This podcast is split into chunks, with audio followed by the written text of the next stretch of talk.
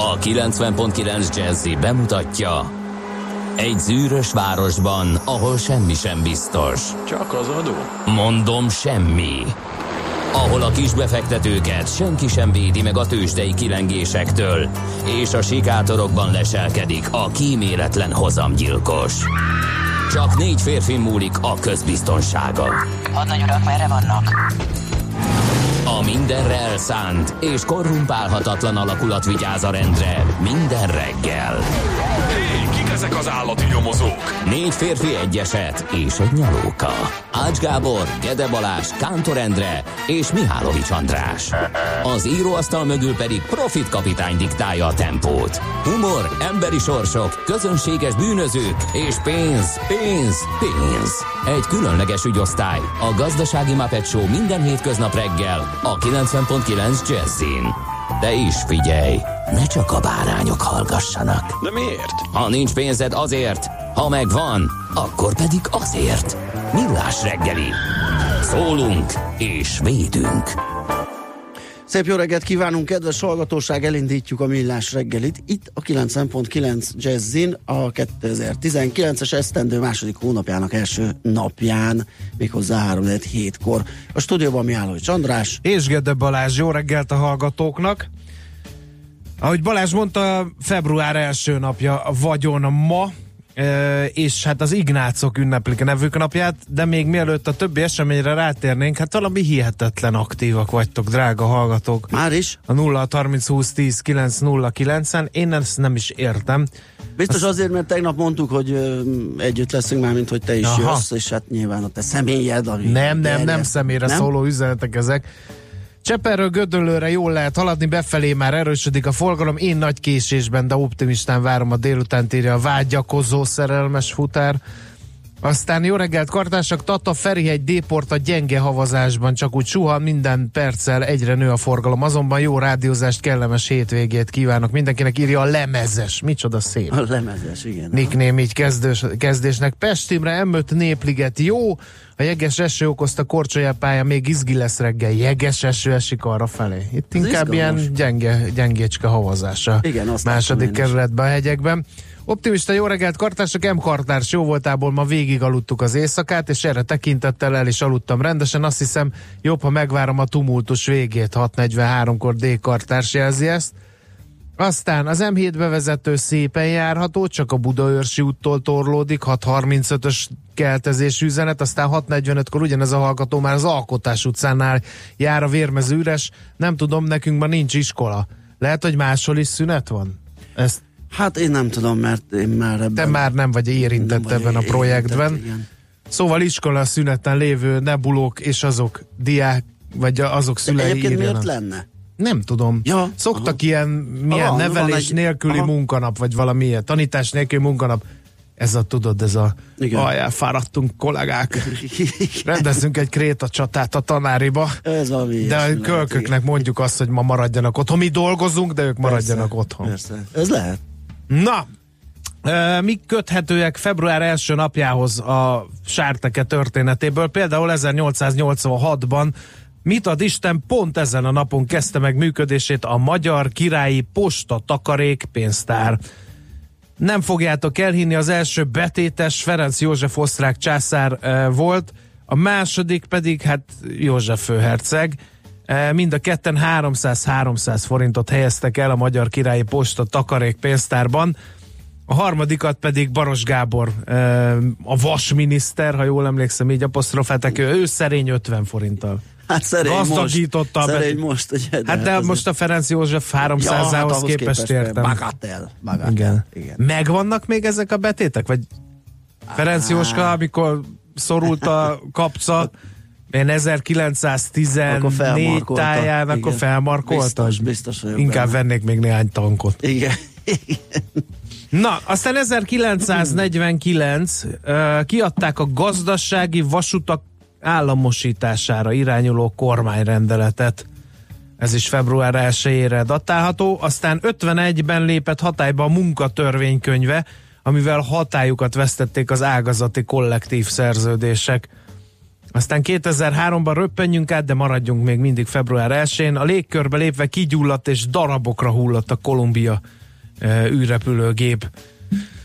Hát ez sem ma volt, a fene gondolta, hogy ilyen sok idő eltelt azóta. Hát nagyon sokban le is állították a programot, ugye Ilon személyesen kísérletezik most uh, ezzel, azt, aztán majd meglátjuk, hogy mire jut. Nézzük, hogy a születésnaposok, akiket ezúton is természetesen köszöntük, és sok boldogságot, jó egészséget kívánunk minden hallgatónknak, és a hallgatók hallgatóinak, hallgatóinak is, akik ma ünneplik születésnapjukat. Ők például büszkekedhetnek akár azzal is, hogy 1878-ban velük egy napon született, tehát február 1-én Hajós Alfred az első magyar olimpiai bajnok. Hát ő nagyon sok minden volt, építészmérnök, úszó, labdarúgó, stb. stb. Aztán 1900... Tőle, tőle lesz az aranyköpésünk, ami nem egy nagy életbölcselet, hanem egy nagyon poénos ö, valami, hogyha a, jól láttam. A magyar delfin. Igen, igen, igen. Úgy hívták. Így van. Na, Nikolaj Alexejevics Voznyeszenszki, szovjet gazdaságpolitikus is ma ünnepelni a születésnapját, ha 1950-ben nem hunyt volna el. 1903-ban született ugyanis. Akkor csak kis eséllyel, ugye, 116 éves lenne. Hát, ha jól volt a gazdaságpolitikája, igen, igen, igen. nagy hangsúlyt helyezett az oktatásra és az egészségügyre, akár ideig is. Akár. No, Tom Lantos, magyar származású amerikai demokrata párti politikus 1928-ban február 1-én született, miként Boris Jelcin, orosz politikus Oroszország elnöke is, csak hát ő ugye 1931-ben látta meg a napvilágot, és az 1982-ben február 1-én felsíró Molnár Ferenc Karamel e, magyar énmekest is köszöntjük. És ráadásul, ha nem tudnátok, ma van a civilek napja, hát ez most nem tudom, hogy mennyire ünnepi ez a nap. Ezt akartam mondani, hogy ez most mert a csendes, civileket csendes azért- ünneplés lesz, gondolom. Igen. 1994-ben alakult meg a civil parlament Magyarországon, és 1997. február 1-ét megjelölték a civilek napjának. 1998-ban tartották meg ezt először. Felhívták a figyelmet arra, hogy ha nem működnek kellő számban civil szervezetek, akkor az önkormányzatokra sokkal több feladat és nagyobb felelősség hárul. Úgyhogy ez a civilek napjának fő üzenete szerintem ma is. Na, Mondjuk el még egyszer az elérhetőség. 0 30 20 10 909, ez az SMS és a WhatsApp számunk is. Lehet ide mindenféle közlekedési információkat, meg mindent kü- küldeni. Jött is egy, kérem szépen. Tiszteletem, uraim, Soroksár, Dunakeszi az m 0 50 perc, szép napot a stábnak írja Szasza, mi meg szép napot Köszönjük kívánunk a viszont. Szaszának, a stáb. így, van. Jó, akkor szerintem zenélhetünk egyet, és megnézzük, hogy mármint a zene után, hogy mi történt tegnap a tőzsdéken.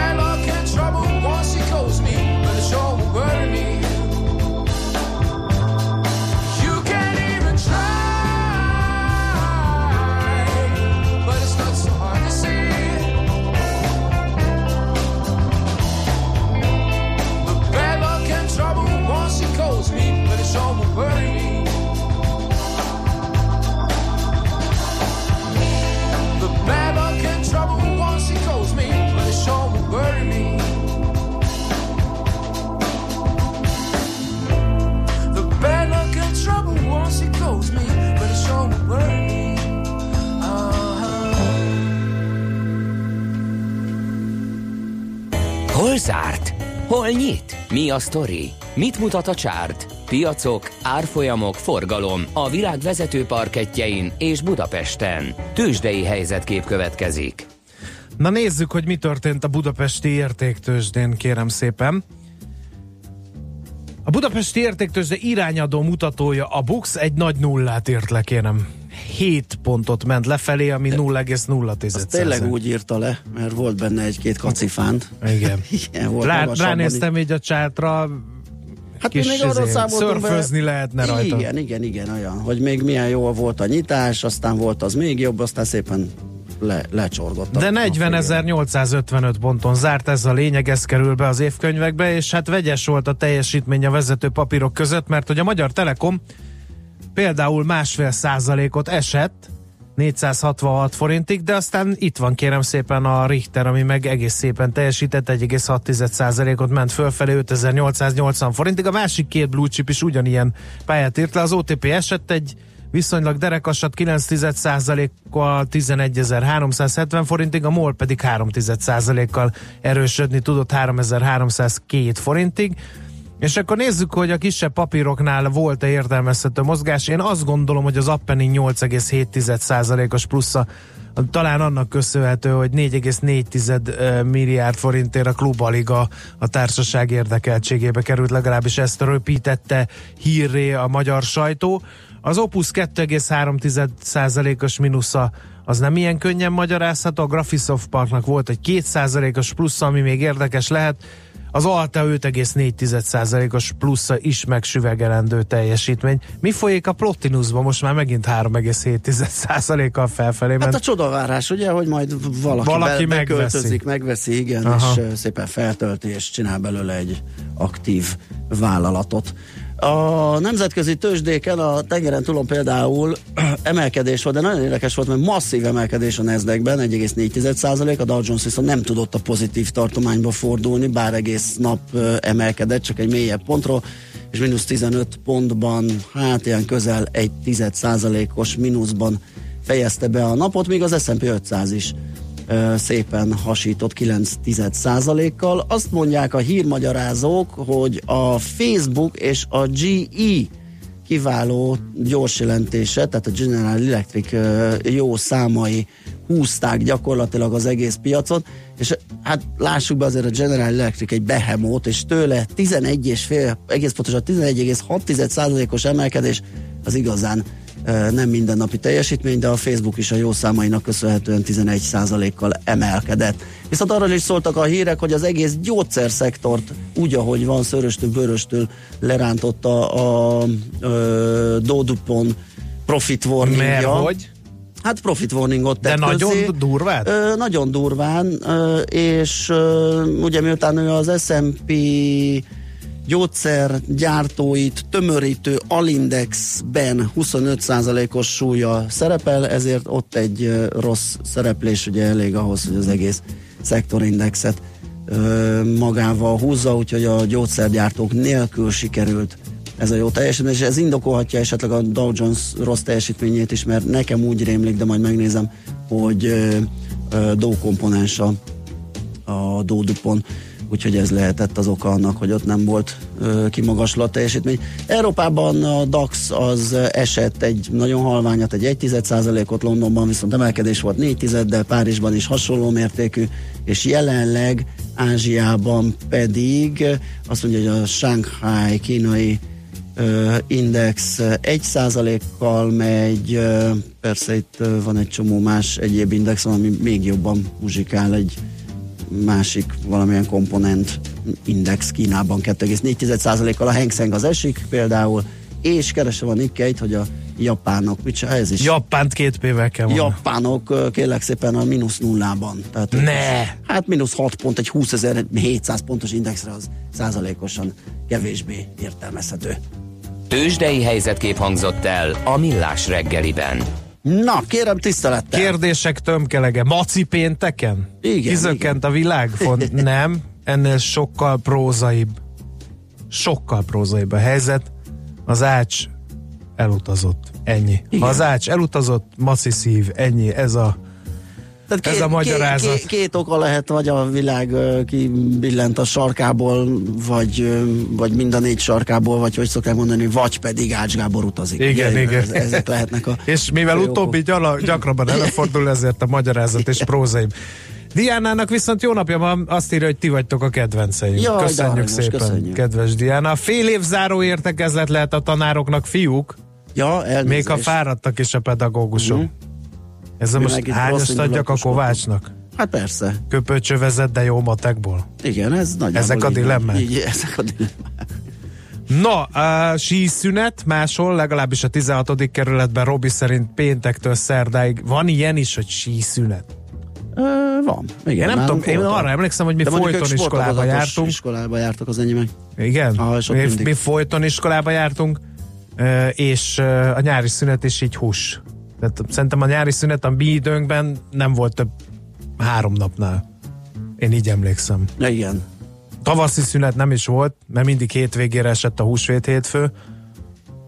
A nyár az gyorsan A nyár az gyorsan elment, és Hát a tél az, a téli az... hát még így a gyermekkori karácsonyok, Igen, igaz karácsonyváráson, virágáltás, igen, erre azért az még emlékszem. volt, így van. Végig Na. suhantam a rakparton. Száguldó riporterünk jelenti, már a harmadik közlekedési SMS. Már is landoltam a Graphisoft Parknál, Óbudán, a Slakta Margit délfelé, a Margit hídnál erősen torlódik. Na, köszönjük szépen! László B. Katit várjuk a stúdióba, hogy híreket mondjon nektek, aztán pedig folytatjuk tovább, átnézzük, mit ír a magyar sajtó és miről. Műsorunkban termék megjelenítést hallhattak. A jazz élőben az igazi. Mi is tudjuk ezt. Ezért csütörtök este héttől meghívjuk egy-egy igazi koncertre. Csak hangoljon a 90.9 Jazzire. Különleges koncertek megszakítás nélkül. Két órában. Jazzy Live. Minden csütörtökön este héttől itt a 90.9 Jazzin. Jazzy Live azoknak, akik tudják, a jazz élőben az igazi. Hírek a 90.9 Jazzin. Sikeresnek értékelik Magyarország első előválasztását. Szó szerint lefagyott néhány város az Egyesült Államokban. Budapesten ma délután plusz 5 fok is lehet, de hószállingózásra továbbra is számítani kell. Köszöntöm a hallgatókat, László B. Katalin vagyok, következnek a részletek. Már több mint 16 ezeren nyilvánítottak véleményt arról, hogy a két induló közül kit küldjenek Tarlós István kormánypárti főpolgármester kihívójának az önkormányzati választásra. A főváros és egyben az ország első előválasztása előtti hétvégén a két induló, a szocialista Horváth Csaba és a párbeszédes Karácsony Gergely már annak is örült volna, ha 5000-en elmennek az egy héten át tartó voksolásra. Feltételes hozzájárulását adta Varga Tamás szobrászművész, hogy a Jászai Mari téren állhat Nagy Imre szobra. A művész a továbbiakban részt vesz az újraállítással kapcsolatos döntések meghozatalában. Amennyiben a belváros Lipótváros önkormányzata is engedélyezi, a Jászai Mari téren hamarosan megkezdődnek az előkészítő munkálatok. A tervek szerint legkésőbb 2019. június 16-án már az új helyén állhat a kivégzett miniszterelnök emlékműve. Nagy Imre 1996-ban felavatott szobrát múlt év végén előzetes bejelentés nélkül kora reggel szállították el a parlament szomszédságában lévő vértanúk teréről. Mától már az új 500-as bankjeggyel fizetünk. Az új 500-as azon túl, hogy képi megjelenésében is változott, biztonsági elemeit tekintve is sokkal korszerűbb lett.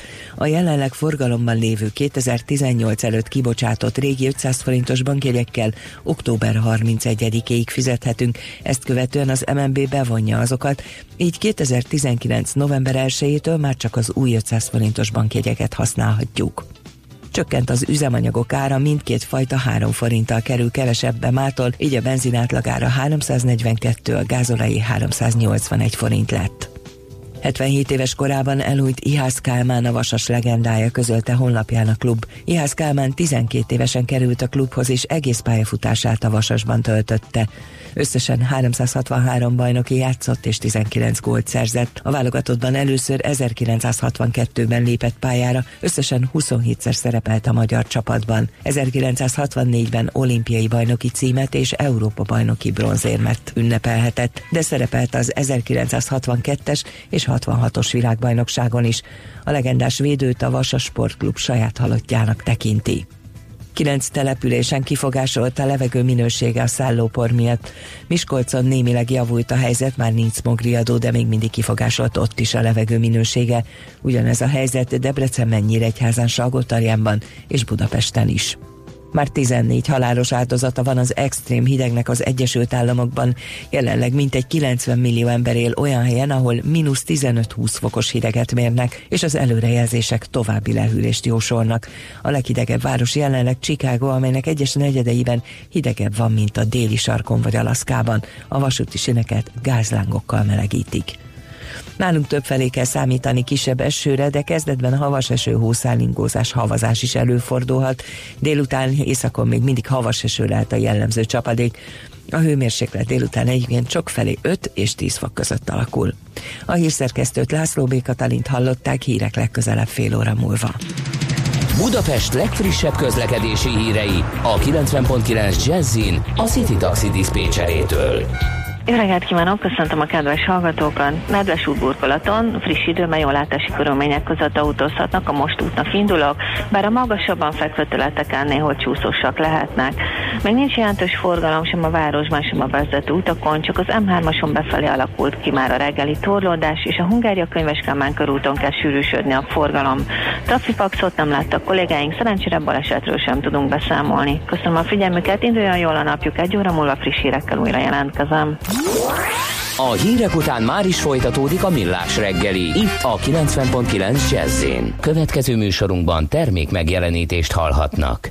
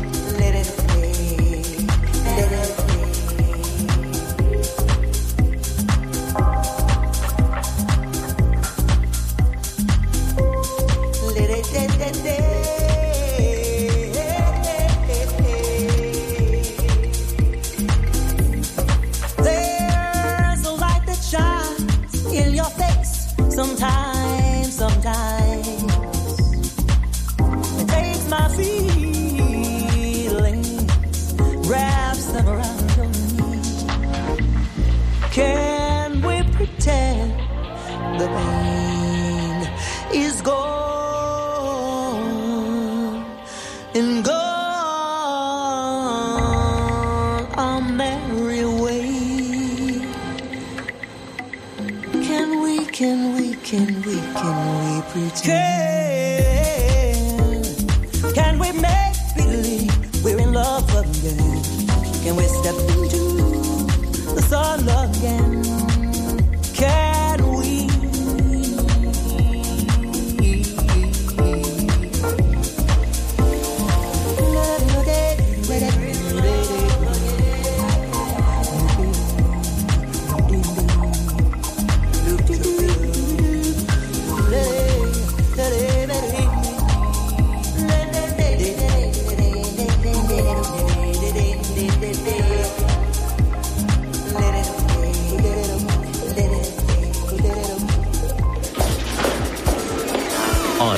Rohanásban könnyű szemtől szembe kerülni egy túl szépnek tűnő ajánlattal.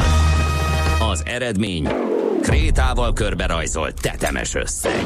A tethelyen a gazdasági helyszínelők, a ravasz, az agy és két füles csésze és fejvállalakzat. A lehetetlen küldetés megfejteni a Fibonacci kódot. A jutalom egy bögre rossz kávé és egy olyan hozamgörbe, amilyet még Alonso Mózli sem látott. Millás reggeli, a 90.9 Jazzy Rádió gazdasági mapetsója. Vigyázat! Van rá engedélyünk! 7 óra 11 perc jó reggelt, illetve már 12 jó reggelt kívánunk. Még mindig a millás reggeli szól a készülékekből, melyek a 90.9 Jazzy Rádió frekvenciájára vannak hangolva. A mikrofonoknál pedig az egyik műsorvezető Gede Balázs. És a másik Mihálovics András, aki annyi időt engedett, hogy egy nagy levegőt vegyek Így a beköszönés előtt, úgyhogy nagyon Egy ilyen barag. verbális pisztolypárba ez az egész. Végre oknyomozó újságíróként kérlelhetetlen logikával keresztkérdésekből kiszedtük az angol tanárból, hogy mi zajlik Na, a nevelés nélküli munkanapokon. Mhm. Azt írja A, a Pistike köpöcső kombó, az az osztályozó értekezlet. Ja. Mhm. A múlt héten azt már letudták, általában tanítás után egyenként átnézze az összes osztályt és diákot, 25-én zárult az első fél év, aki Mhm. nem tudta volna, mert én se, így látom. Most fél év záró értekezletek vannak, nagyon helyesen rávilágított egy hallgató, amikor a fél évet értékelik, és a következő fél évet tervezik.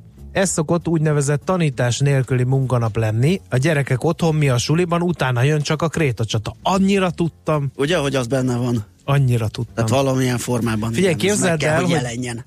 Igaz, ez gimnáziumban volt, mi mindig szorgosan gyűjtögettük a krétákat, az De- ilyen maradékot, tudod, ami letört, és a tanár... Igen, igen, Igen, igen, igen. Szorgosan gyűjtögettük a, a krétákat, majd uh, utána rohanás a menzára, stb. és a hét, hétre, hét vége felé, ilyen csütörtök péntek magasságába az ebéd után uh, bementünk az osztálytermünkbe, ugye mindenkinek volt egy osztályterme, és akkor mindenki előadta a krétákat, egyenlő mértékben szétosztottuk a muníciót, és negyed óráig, mint az őrültek. Igen. Ez ismerős, Ez, ez, ez egy ilyen fix program volt, Igen. akinek volt kedve részt vett benne, akinek nem, nem, nem. Hát mi felső Iszonyú. tagozatban mindig máshol, mert azt hiszem ott vezették be ezt a mászkálóst, tehát nem alsóban volt saját termünk, és utána ugye tantárgyanként, hát a, ne, nem tudom mi volt ennek a rendszernek a neve. Iszonyú srapnel záporba kellett helytállni. Kérem szépen. No, február, maci, árnyék, tavasz? Vagy ezt ne?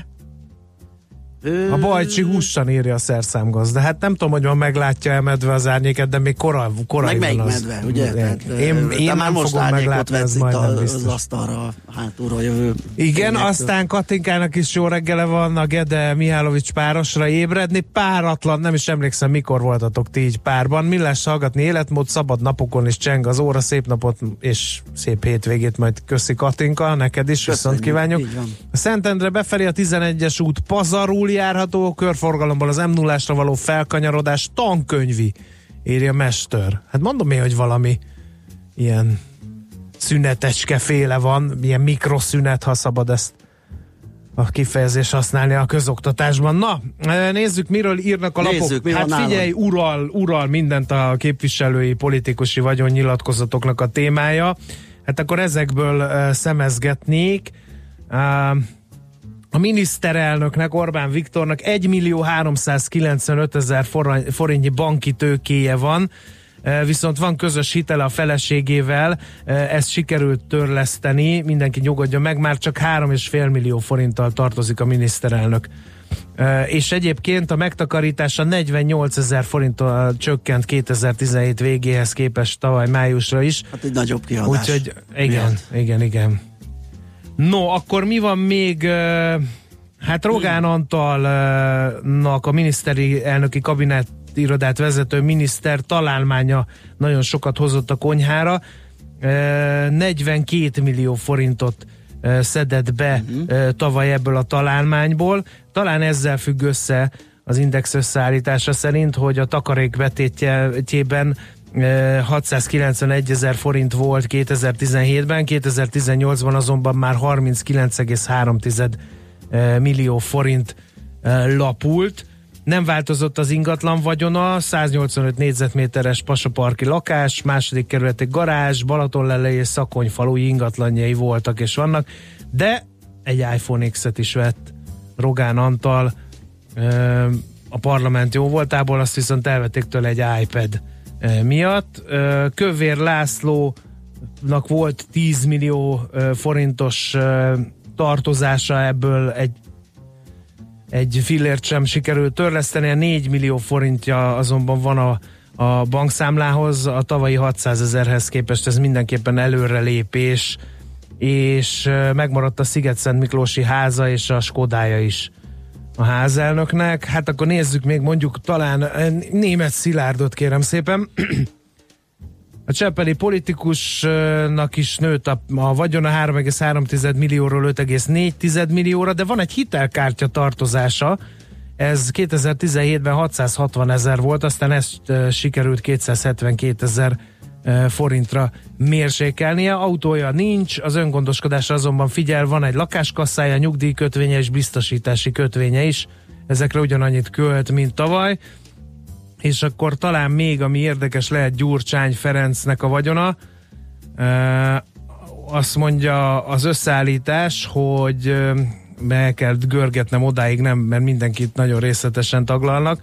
Itt van Gyurcsány Ferenc, rejtvényel kezdi a vagyonnyilatkozatát az Index szerint, három gyerekhez odaírta, hogy nincs vagyona, Uh, és ami az érdemi részt ma illeti, van ingatlan vagyon a pápán és köcsén, autója nincs értékpapírban, 605 millió forint helyett 659 milliója, fekszik és van bankszámlája is, 2,2 millió forint lapul azon, és magánszemélyeknek adott kölcsön 12 millió uh, forintot, és hát a köcsei ház felvételéhez ő is bankhitelt vett igénybe 59 millió forintot, ezt ebből lefaragott 1 millió forintot, és volt jövedelme is, 2018-ban 298 millió forintos jövedelme volt, az egyetlen cége továbbra is az Altus Kft. és beírta vagyon nyilatkozatába, hogy a parlamenttől kapott egy görgős meg egy laminálógépet. No, hát ez a vagyon nyilatkozati Aha, rész. nagyon izgalmas. Kérlek szépen én a világgazdaságot lapozgatom, persze csak virtuálisan. A vg.hu a mai mm, print lapszámból lehet szemezgetni. Például az, hogy egyre többen reklamálnak a MÁV-nál. Az elmúlt évben 8%-kal nőtt a jegyük visszaváltásért reklamáló vasúti utasok száma, ám jócskán bővülő forgalom mellett. Itt ragadom meg az alkalmat, hogy mi is fogunk MÁV mizériázni. Gyöngyösi Mátét hívjuk majd 8 óra után a közlekedő tömeg alapító tagját, csak mi nem a jegy visszaváltás, hanem ez a 60 vonal körül kialakult ö, ö, problémakört járjuk ö, végig. A, aztán még mindig a világgazdaságnál maradva már most az osztalék hozamokat, vagy a lehetséges és elérhető osztalék hozamokat, illetve, illetve a múltban elért ilyen jellegű nyereségeket részletezi a lap. 4-6 százalékos elérhető hozammal kecsegtettek ugyanis a májusi kifizetési időszak előtt a magyar osztalékpapírok a Budapesti értéktősdén, és van közülük három például, ami már az osztalék ö, kifizetése, tehát a szelvényvágás előtti állapotánál, árfolyamánál, vagy a fölött van. Ez a három, kérem szépen, a Magyar Telekom, a BIF, ami ugye a budapesti ingatlan, és a MOL papírjai. A BIF egyébként annyira bejött, hogy aki 1970, most 1970 forinton kereskednek vele, és a 94 forintos osztalék kifizetése előtti napon, nem, bocsánat, akkor kereskedtek ennyin, tehát akkor, amikor még arra lehetett számítani, hogy 94 forintot fizet, ez akkor ö, 4,8%-os osztalékhozam kilátásnak felelt meg, és aki ezért megvette és még tartogatta, az jóval többet kereshetett, mert hogy majdnem 19 százalékkal áll magasabban az árfolyam, úgyhogy érdemes ezeket figyelgetni és átnézni. Itt egyébként van egy táblázat is itt az elektromos szolgáltatók, Elműémász, Telekom, Cvak, MOL, Dunahouse, Beef, AEny biztonsági nyomda, tehát a legjobban fizető ö, osztalékhozamú, legjobb osztalékhozamú papírok felsorolása, és hogy hogyan alakultak. Az idei évi kilátások sem rosszabbak, úgyhogy érdemes lesz majd fizet, ö, figyelni. Ezek közül egyébként az elműémász pont azon az áron van, mint tavaly, amikor ez az 5,5 százalék körüli osztalékhozam ö, kilátás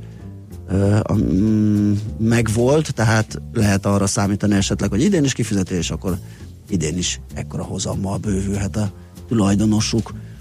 Mm, M4, hát arról ír, hogy a Tibor Cistánék a Dorottya házat luxus szállóvá alakító érdekeltségeit egy cégbe pakolják. Ezt aki szeretné, olvassa el, nem rádióbarát a cikk, ugyanis egyetlen bekezdésben van 6 cég és 8 szám, majd a következő cég bekezdésben hasonlóan, úgyhogy ez ilyen mag- magyarázós, bogarászós írás, ezt most elkezdeném sorolni, azt hiszem a követhetősége megkérdőjelezhető lenne.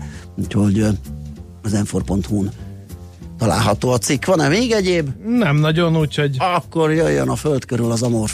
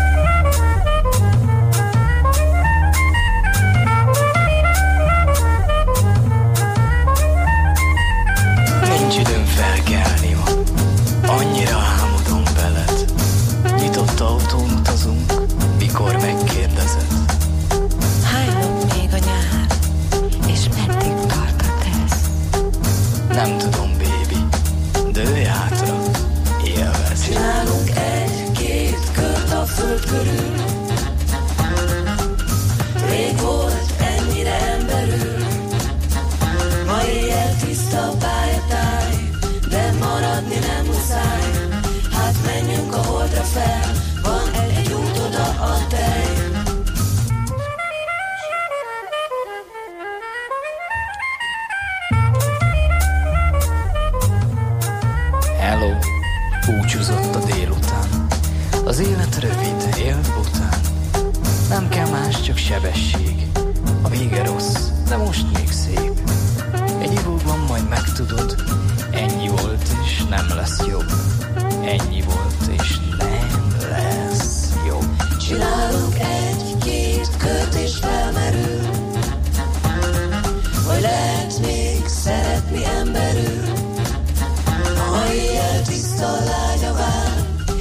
nem kell mindig át. Hát a pultra fel Hogy zárva van a hely.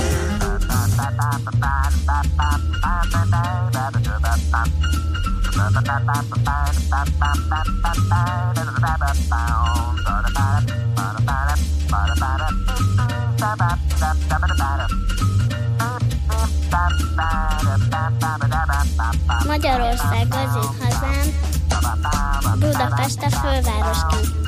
Csak ott érzem jól magam, ahol kitörhetem a nyakam.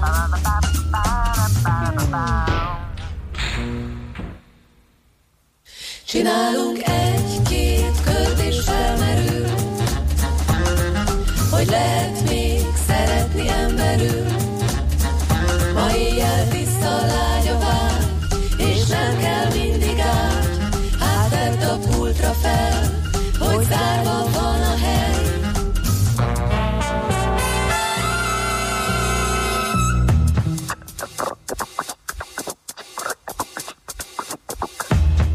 Nem döntés kérdése a józanész, ahogy az sem, hogy elveszítjük-e.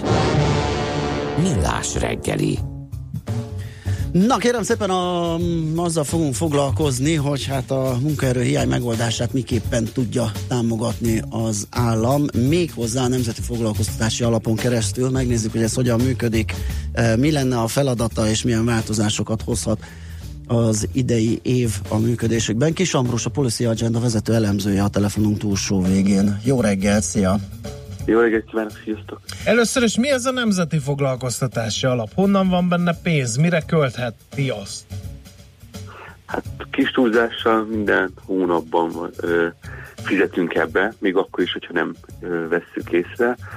Főleg a munkajövedelmünk után vannak olyan adók, járulékok, amelyek ebbe kerülnek bele, és hát vannak olyan ö, adók, járulékok, amelyeket még a munkáltatók a, szintén a fizetések után fizetik be a Nemzeti Foglalkoztatási Alapba, ami a költségvetésnek része, de mégis ettől azért ilyen elkülönülten működik. Nyilván beleszámít a költségvetési hiányba a, a végeredménye, de, de külön kell kezelnie ott költségvetési könyvelési szempontból az államnak a befolyó pénzeket és a kimenő pénzeket. Uh-huh. És uh, mire költheti ezeket a pénzeket? Egészen pontosan ez deklarálva van valami jogszabályban? Í- Nyilván deklarálva van, de azért ezt, ezért mindig azért egy kicsit ilyen rugalmas dolgok, csak egy analóg példát hadd mondjak. Ugye a nyugdíj alapot azt ismerjük mindannyian, elvileg a nyugdíjak ki- kifizetésére szolgál.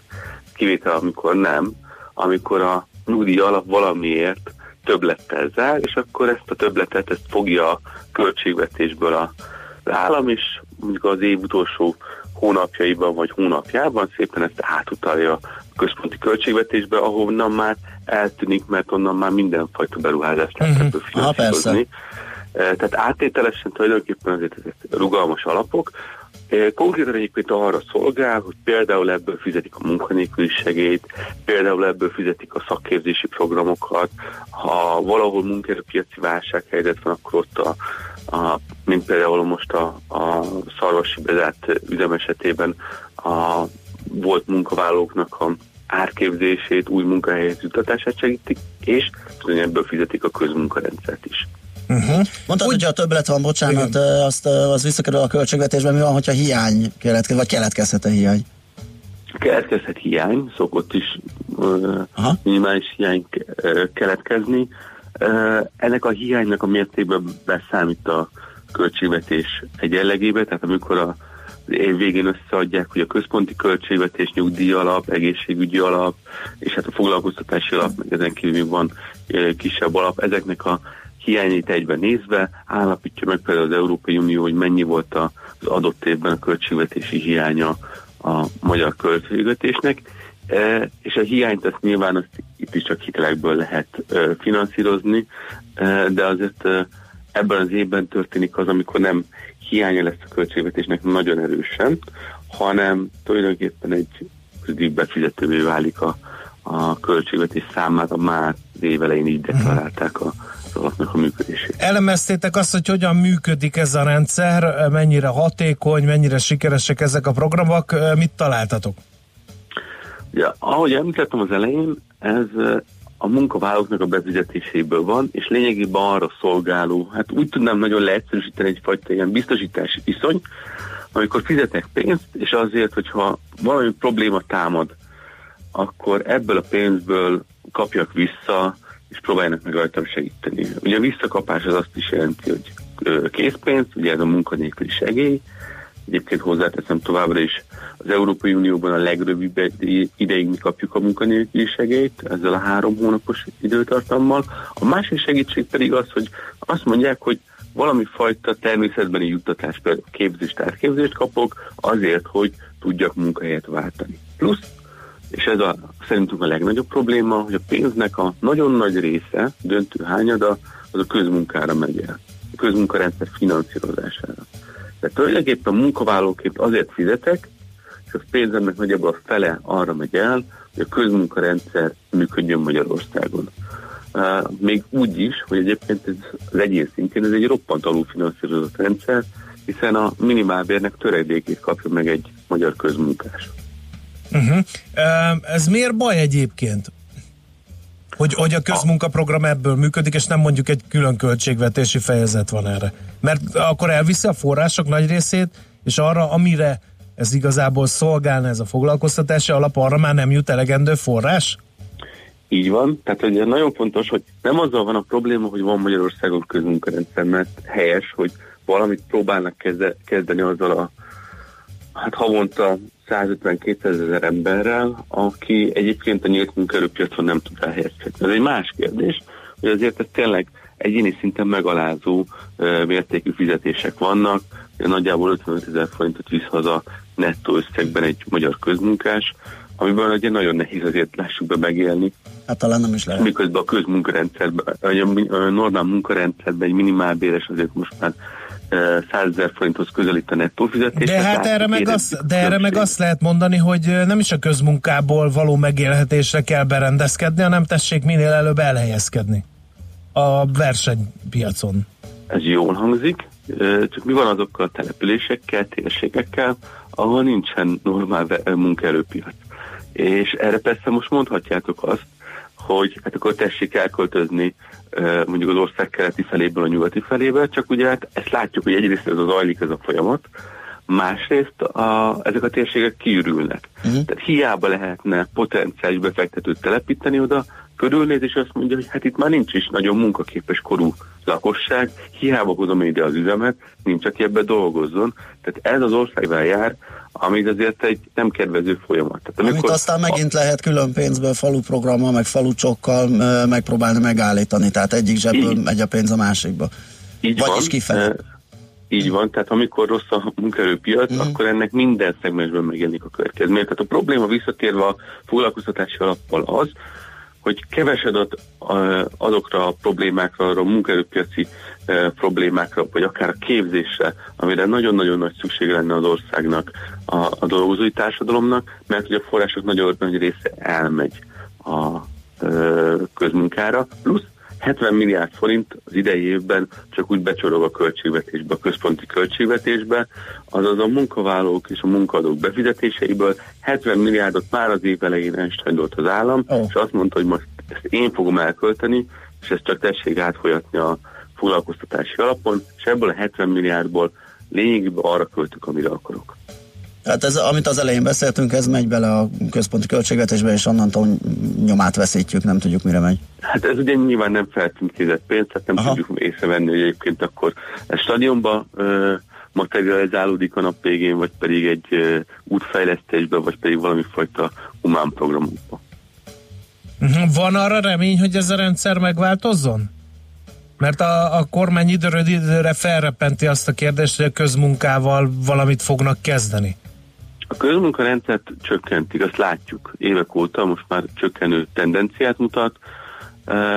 Tavaly már azért nagyságrendekkel kevesebbet költöttek el közmunkára, mint ami a központi költségvetésbe tervezve volt. Hát akkor az jó hír, mert akkor maradt több a foglalkoztatási alapban. Hát látjuk, hogy nem, hiszen ugye elvonták uh-huh. ezt a pénzt. Ja, hogy Tehát- ezt meg elvonták, erre mondtad az előbb ezt az elvonást. 70 értem. milliárdot, így van, tehát hogy azért a gond az az jelenti, hogy ha maradna többlet és felhasználnák arra, amire hivatott a foglalkoztatási alap, akkor nyilván ez egy szerencsés megoldás lenne. Ugye az Európai Bizottság évek óta kritizálja az ország jelentésébe, hogy keveset költünk ezekre az úgynevezett aktív munkaerőpiaci eszközökre, azért aktív, mert hogy a nem csak pénzt ad, hanem megpróbálja segíteni azt, hogy legyen valami fajta átalakulása akár a munkavállalónak, akár annak a e, térségnek e, munkaerőpiaci szempontból. Sajnos erre kevés forrás jut, továbbra is kevés forrás jut, és nem is nagyon látszik, hogy a kormány ezzel nagyon szakítani akarna. Valamiért úgy érzi, hogy a, az állami gondviselése segítség az vagy a közmunkába velő merül ki, vagy hát adja ide az Európai Unió a pénzeket, és akkor azokból majd csinálnak olyan programokat, amit a EU szeretne, hiszen egyébként például a foglalkoztatási alapból ezeknek az ön is finanszírozza az állam. Oké, okay, hát köszönjük szépen, szerintem kevesen voltunk tisztában a pontos működésével Igen. a Nemzeti Foglalkoztási Alappal. Hát nem vázoltál fel egy túl hatékony működést. Igen, hát- vidámabbak nem lettünk, de tudásunkat gyarapítottad. Így van, köszönjük. így van. Már Köszönjük. legalább tudjátok, hogy hova megy a pénz. Igen. Igen, ez is valami, így van. Köszi szépen, jó munkát, szép napot. Köszönöm. Szia! Kis Ambrussal, a Policy Agenda vezető elemzőjével beszélgettünk a Nemzeti Foglalkoztatási Alapról. Kapunk-e fontos útinformációkat esetleg a hallgatóktól? Hát egyelőre csendes Egyelőre üzenő, csendes. falunk elzug. A közmunkaprogramot ostorozza a hallgató, nincs munkanélküli segély, álláskeresési járadék van, abból meg szépen éjjel alsz. A közmunkaprogramban nettó 40 ezeret viszel haza, de a kiadásaid ott vannak a busz, a munkaró, a cipő, az ebéd, ha otthon maradsz, olcsóbban megúszod. Igen, erről is hallani sokat, ugye főleg az ilyen kis mm, térség. Ahol kis nincs egyéb lehetőség, igen. helyzetek, tárgyalásakor. Jó, László B. Kati jön a rövid hírekkel, aztán Cyber Friday-t tartunk. felhívjuk Virág Csabát, a Cyber Services ZRT kiberbiztonság kompetencia központ vezetőjét, mert hogy ez a bizonyos uh, Megalix, ez a hatalmas uh, adatszivároktatás, vagy, vagy lopás, ugye a jelszavak, e-mail címek, amiről korábban már beszélgettünk Frész Ferenccel, és mindenki mm, ellenőrizhette, hogy beleesette. Több hallgatónk jelezte, hogy én magam is áldozata lettem ennek, úgyhogy ennek a ez folytatódik, mert újabb méretes adag adat került elő. Műsorunkban termék megjelenítést hallhattak. A jazz élőben az igazi. Mi is tudjuk ezt. Ezért csütörtök este héttől meghívjuk egy-egy igazi koncertre. Csak hangoljon a 90.9 Jazzire. Különleges koncertek megszakítás nélkül. Két órában. Jazzy Live. Minden csütörtökön este héttől itt a 90.9 Jazzin. Jazzy Live azoknak, akik tudják, a jazz élőben az igazi. Rövid hírek a 90.9 Jazzin.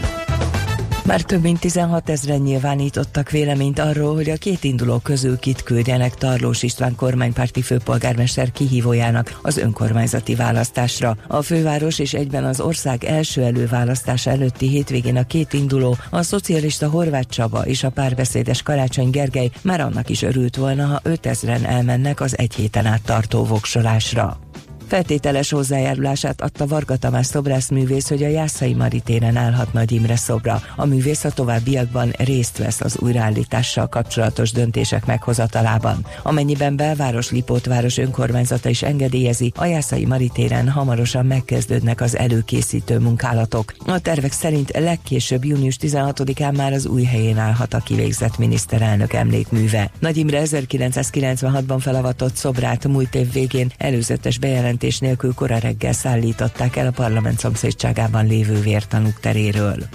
Mától már az új 500-as bankjegyel fizethetünk, amely azon túl, hogy képi megjelenésében is változott, biztonsági elemeit tekintve is sokkal korszerűbb lett. A jelenleg forgalomban lévő 2018 előtt kibocsátott régi 500 forintos bankjegyekkel október 31-ig fizethetünk, ezt követően az MNB bevonja azokat, így 2019. november 1-től már csak az új 500 forintos bankjegyeket használhatjuk. 77 éves korában elhunyt Ihász Kálmán a vasas legendája közölte honlapján a klub. Ihász Kálmán 12 évesen került a klubhoz, és egész pályafutását a vasasban töltötte. Összesen 363 bajnoki játszott, és 19 gólt szerzett. A válogatottban először 1962-ben lépett pályára, 64-ben olimpiai bajnoki címet és Európa bajnoki bronzérmet ünnepelhetett, de szerepelt az 1962-es és 66-os világbajnokságon is. A legendás védőt a Vasas Sportklub saját halottjának tekinti. Majdnem 90 fokkal melegebb Ausztrália, mint Amerika. Ausztrália soha nem látott hőhullámtól, az Egyesült Államok extrém hideg időjárástól szenved. A január volt Ausztrália eddigi legmelegebb hónapja, az utak nagy része megolvadt és tönkrement, az állatok pedig tömegesen pusztulnak el a melegtől. Eközben az Egyesült Államokban tombol a sarkvidéki levegővel érkezett, extrém hideg, az embereknek nem ajánlják, hogy 5-10 percnél több időt töltsenek a szabad levegőn. A hideg miatt szünetelnek az iskolák, a postai szolgálat és több repülőjáratot is törölni kellett. Amerika leghidegebb városa jelenleg Chicago, aminek egyes negyedeiben hidegebb van, mint az Antarktiszon. Nálunk többfelé kell számítani kisebb esőre, de kezdetben havas eső, hószállingózás, havazás is lehet. Délután éjszakon még mindig havas eső lehet a jellemző csapadék. A hőmérséklet délután sok felé 5-10 fok között alakul. A hírszerkesztőt László B. Katalint hallották hírek legközelebb fél óra múlva. Budapest legfrissebb közlekedési hírei, itt a 90.9 jazz Budapesten baleset történt a Dembinski utcában, a Nefelejts utcánál. Fennakadásra számíthatnak. Lassulás tapasztalható az M1 közös bevezető szakaszán az Egér úttól és tovább a Budaörsi úton is, a Hungária körgyűrűn szakaszonként mindkét irányban, illetve a Haraszti úton a Grassalkovics út előtt. Erős a forgalom a 11-es főút fővárosi szakaszán befelé az m 0 autóúttól, a Kerepesi út Fogarasi úti csomópont környékén, az M3-as autópálya bevezető szakaszán a Körvasút sori felüljárótól, illetve a Nagykörösi úton befelé a Nagy Sándor József utca előtt. Egybefüggő a sor a 10-es főúti bevezetőn a Solymári körforgalomtól, a Budai alsórakparton a Tímár utcától a Halász utcáig, valamint a Budakeszi úton és a Hűvösvölgyi úton a Szilágyi Erzsébet fasor előtt. Hétfőtől munkanapokon megváltozik a H8-as és a H9-es hév közlekedése. A reggeli és a délutáni csúcsidőben a H8-as hív egyes járatai Kerepes és az Őrsvezértere között közlekednek, de Kerepes felé nem állnak meg Ilona telepnél, Kistarcsa kórháznál és Zsófia ligetnél. Nyesőné Vas Gabriella, BKK Info. A hírek után már is folytatódik a millás reggeli. Itt a 90.9 jazz Következő műsorunkban termék megjelenítést hallhatnak.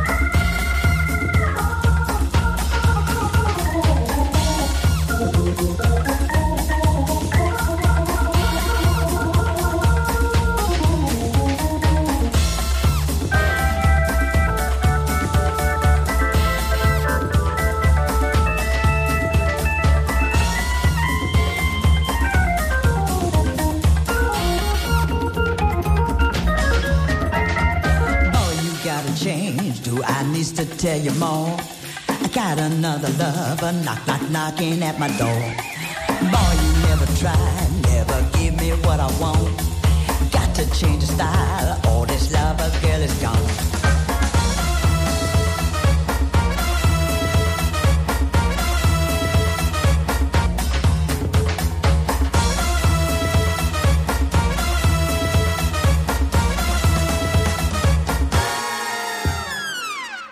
Barátság két dolgon alapul, tiszteleten és bizalmon. Mindkettőre szükség van. Mindkét félnél. Millás reggeli.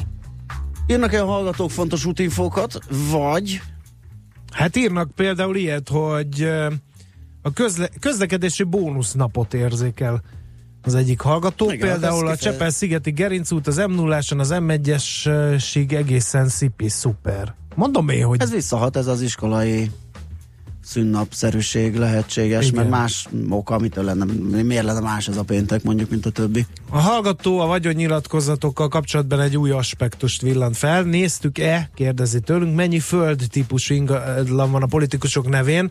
Eddig nem értettem miért, tavaly viszont láttam, hogy a föld bérbeadásából származó jövedelem a mentessé tehető, ha a tulaj több mint öt évre köti meg a bérleti szerződést okos. Vajon lakás bérbeadásra ez miért nem vonatkozik? Hát a Mhm. lakás bérbeadás Hát jogi szabályozásáról elég hosszasan tudnék uh, beszélni.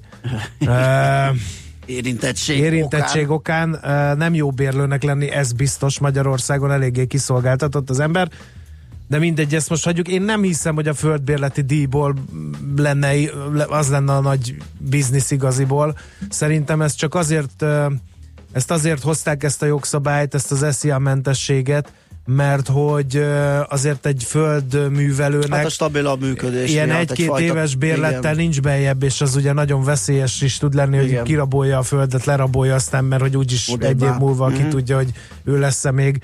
Úgyhogy ez szerintem emögött más ö, dolgok is vannak. Aztán egy másik hallgató ö, kicsit háborog a vagyon nyilatkozatok miatt, azt mondja, hogy hát ö, miért nem a pucérfeneküket másolták a, a papírra. Igen, a képviselői vagyonnyilatkozatok rendszerét évek óta ostorozza a magyar nyilvánosság. óta nem lett jobb. És évek óta nem lett jobb. Tehát így Így az a kérdés, hogy van-e ezeknek ez, e- ezek után egyáltalán értelme.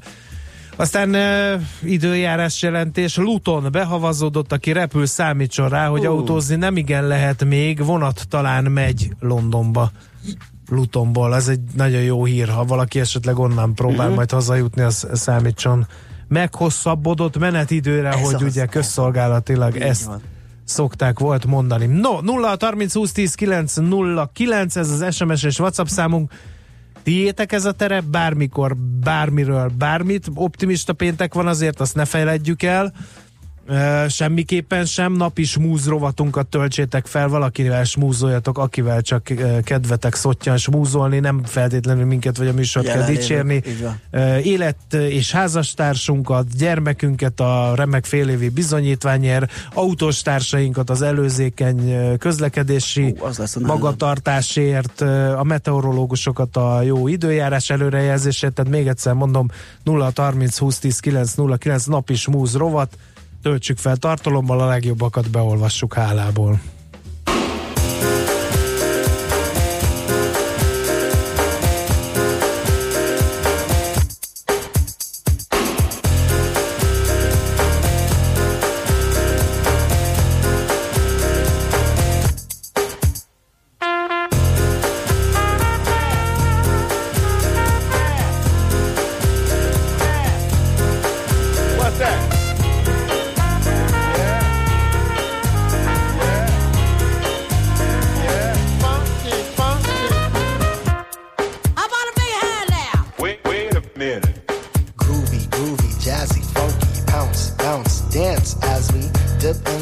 Melodic sea. Rhythm keeps flowing drips the MC. Sweet sugar pop, sugar pop, rocks and pop. You don't stop till the sweet beat drops. I shall improve as I stick and move.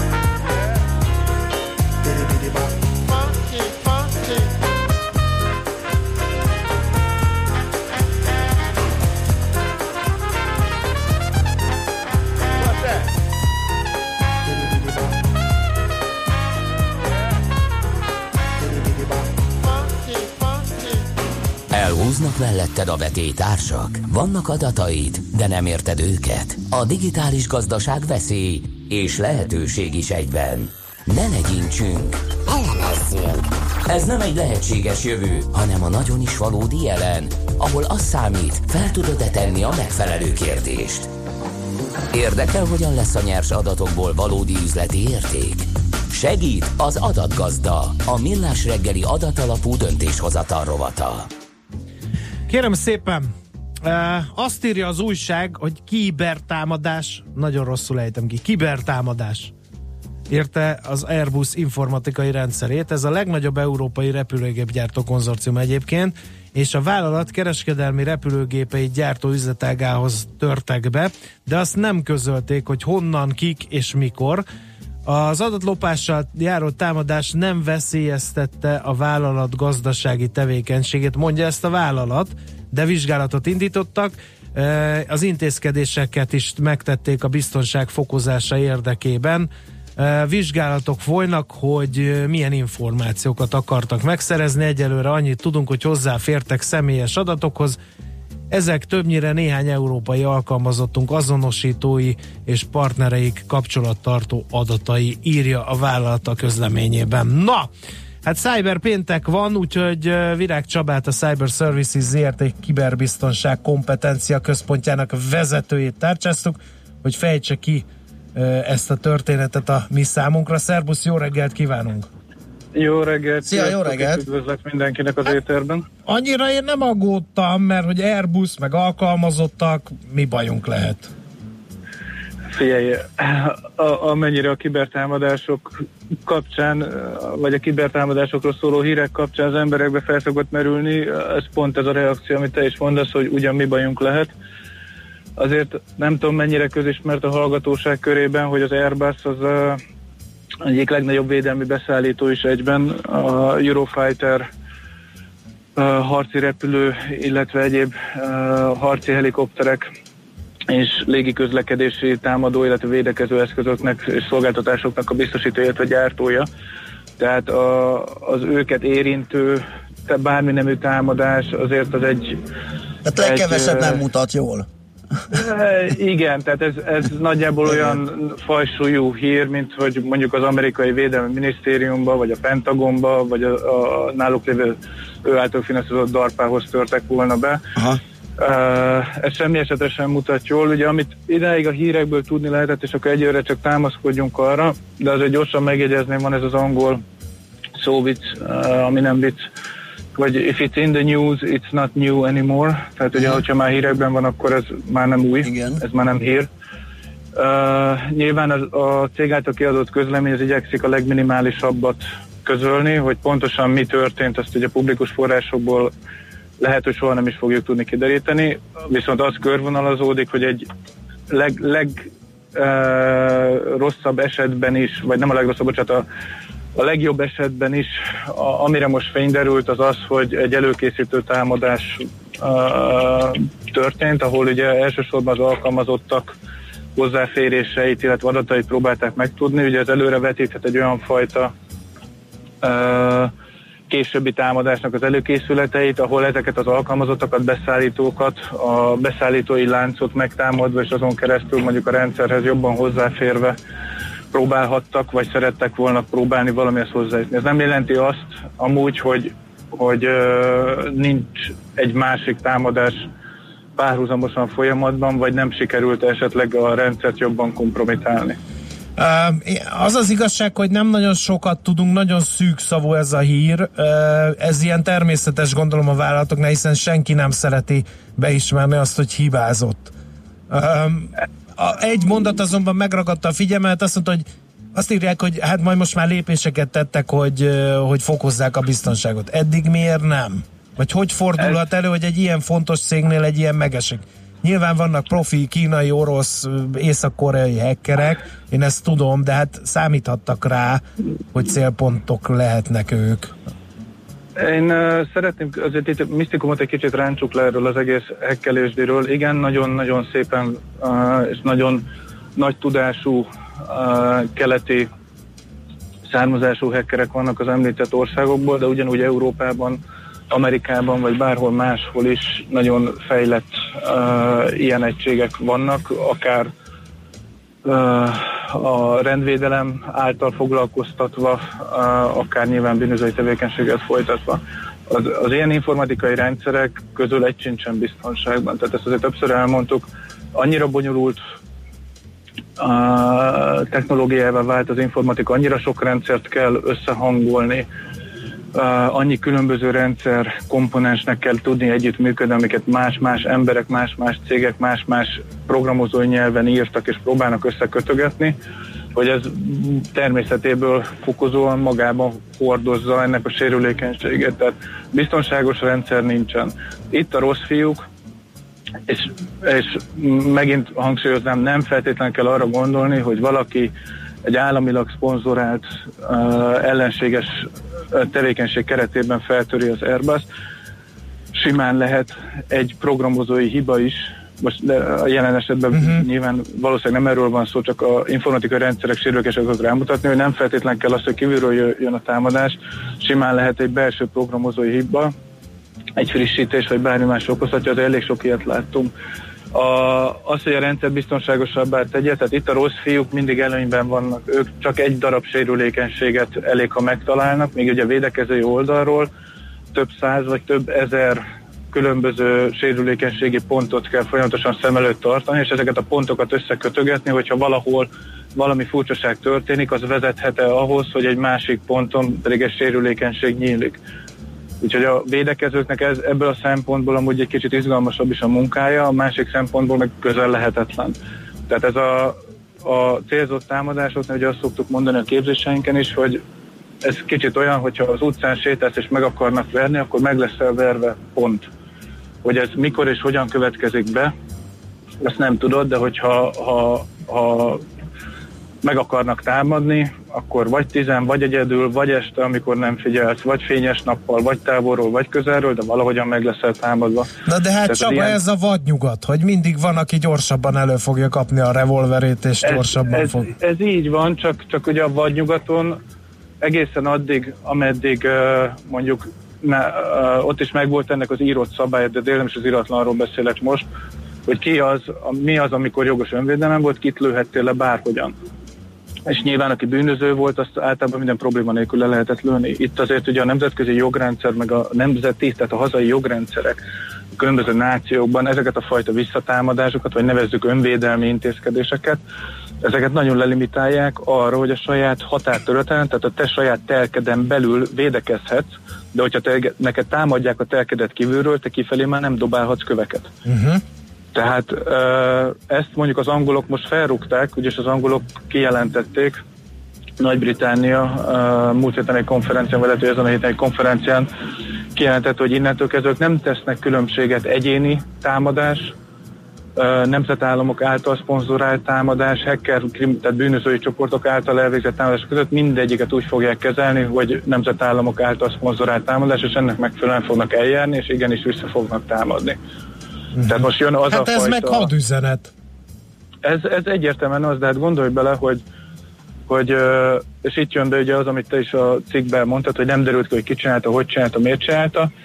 Nagyon nehéz szakszóval attributálni, tehát megszemélyisíteni, vagy megnevezni az elkövetőt, hiszen lehet, hogy, hogy itt Magyarországon ül az, aki mondjuk az Airbusnak a rendszerét feltörte, de úgy, hogy afrikai, indiai, kínai, orosz, meg nem tudom, mondjuk egy angol számítógépes rendszeren keresztül, tehát a nyomokat ő nagyon szépen el tudhatja fedni. Uh-huh. És onnantól, hogy el van fedve, még ugye az sem biztos, hogy ö, meg tudjuk nevezni, vagy meg lehet nevezni, hogy ki ült a számítógép előtt abban az adott pillanatban, amikor ez a Teljesen támadás világos. történt. Teljesen világos. Csaba, egy, egy dolog ütötte meg a fülem, nagyon megy az idő, de ezt még szeretném, hogyha kifejtenéd. Az angolok azt mondták, visszatámadnak. Ez mit jelent? Ez azt jelenti, hogy ők támadást észlelnek, tehát mondjuk látott, vagy láthatóvá válik, nyilván megvannak azok a rendszerek, tehát az, hogy van egy virágcsaba.hu honlap, ami az én személyes blogom, azt megtámadja valaki, azt nem fogják hadüzenetként, vagy ö, ennek megfelelő súlya kezelni, de mondjuk a kritikus infrastruktúrák, mint egészségügy, telekommunikációs hálózat, ö, energiaszektor, egyebeket érintő támadásokat, azokat ők úgy tekintik, ugye, hogy valaki közvetlenül bele akar avatkozni az ország működésébe, ezáltal nem csak passzív módszerekkel, azaz megszakítják mondjuk a támadásnak a lehetőséget, lekapcsolják az internetes elérhetőséget és a többi, hanem akár aktív módszerekkel is, tehát azonosítják, hogy honnan jön a támadás, és megpróbálják a támadót ellehetetleníteni. Kicsit ilyen Hú, ez ilyen Sandra Bullockos film. Pont ezt akartam mondani, hogy igazán nem a Sandra Bullockra, hanem sokkal inkább egy ilyen közelharc, küzdősport jellegű megközelítése van, ami amúgy teljesen jogos szerintem. Hol lehet jelentkezni visszatámadónak? Vannak skilljeim. Bár nem a kibertérben, de hát mondani, ha ott, az, az- ott felszívott agresszivitás esetleg jól jöhet Igen, de- a magyar de nemzetbiztonság is- számára. de- Igen, András, de azért lásd, hogy ennek is megvan az a hátránya, hogyha mondjuk egy Magyarország kórház rendszerét feltörték, és ezt használják arra, hogy megtámadjanak egy angol kórházi rendszert mondjuk, és az angolok visszanyúlnak ide a magyar kórházi Aha. rendszer, hogy megszüntessék a támadást, akkor, akkor bár Magyarországnak és annak a kórháznak a felelőssége kimutatható, mert nem védték meg a rendszerüket és a többi. Ugyanakkor viszont a, az a több száz beteg, aki az adott kórházban esetleg ellátás nélkül marad, az igenis nekünk magyaroknak lesz egy, egy nagyon komoly problémánk. Főleg, hogyha személyesen sérintve leszünk benne. Tehát, hogy ennek azért megvannak a. Hát a veszélyei. forró fejűség akkor itt sem jó az. Ez, egy, ez, egy, ez egy ilyen burkolt hadüzenet, nyilván a diplomáciailag ez, ez kicsit máshogy működik, szövetséges ország, nem szövetséges ország és a többi között, de, de mindenképpen azt mutatja, hogy hogy melyik, milyen irányba halad a világ. Tehát egyre többen építik ezt a fajta, nevezzük proaktív védelem képességét, ahol nem csak passzívan állja a pofonokat, hanem igen aktívan ne, nem is az, hogy visszaadja, hanem már az első pofon előtt megpróbál majd pofon bevinni ő, ilyen jó kocsmai szlengel, ugye, aki először üt, az üt igazán. Uh, ez a következő években, ez a vadkeleti állapot, amiben most vagyunk a kibertérben, ez mindenképpen valamilyen irányba tisztulnia kell uh, jogi szempontokból is, Uh-huh. ahogyan a különböző háborús, illetve katonai, meg, meg rendőri műveletek, vagy rendfenntartói műveleteknek is ugye azért megvan egy írott keretrendszere. Értjük, hát Köszönjük. felfüggesztjük ezt a beszélgetést, és most kezdődne igazán, mert hogy ez hogy működne a gyakorlatban, meg mind működik, meg fognak-e csatlakozni az országok uniós Hát, szinten, ö, mi jövő- lesz jövő ezzel, úgyhogy Jövő csütörtökön a, a Cyberblogba ezt szerintem jó, ki tudjuk oké, rendben, legyen így, akkor jövő csütörtökön visszatérünk. Köszönjük szépen! Köszi. Én köszönöm. És én köszönjük, köszönöm. hogy interjú közben sem felejtettél el indexelni. Hallottam Nem mindent. Igen, jó. Szervusz! Szia. Sziasztok! Virág Csabával a Cyber Services ZRT kiberbiztonság kompetencia központjának a vezetőjével beszéltünk arról, hogy miért gáz az a néhány mondatos hír, hogy ez meghekkelték az Airbus-t. Adatgazda, a millás reggeli adatalapú döntéshozatal rovata hangzott el, hogy a nyers adatokból valódi üzleti érték legyen.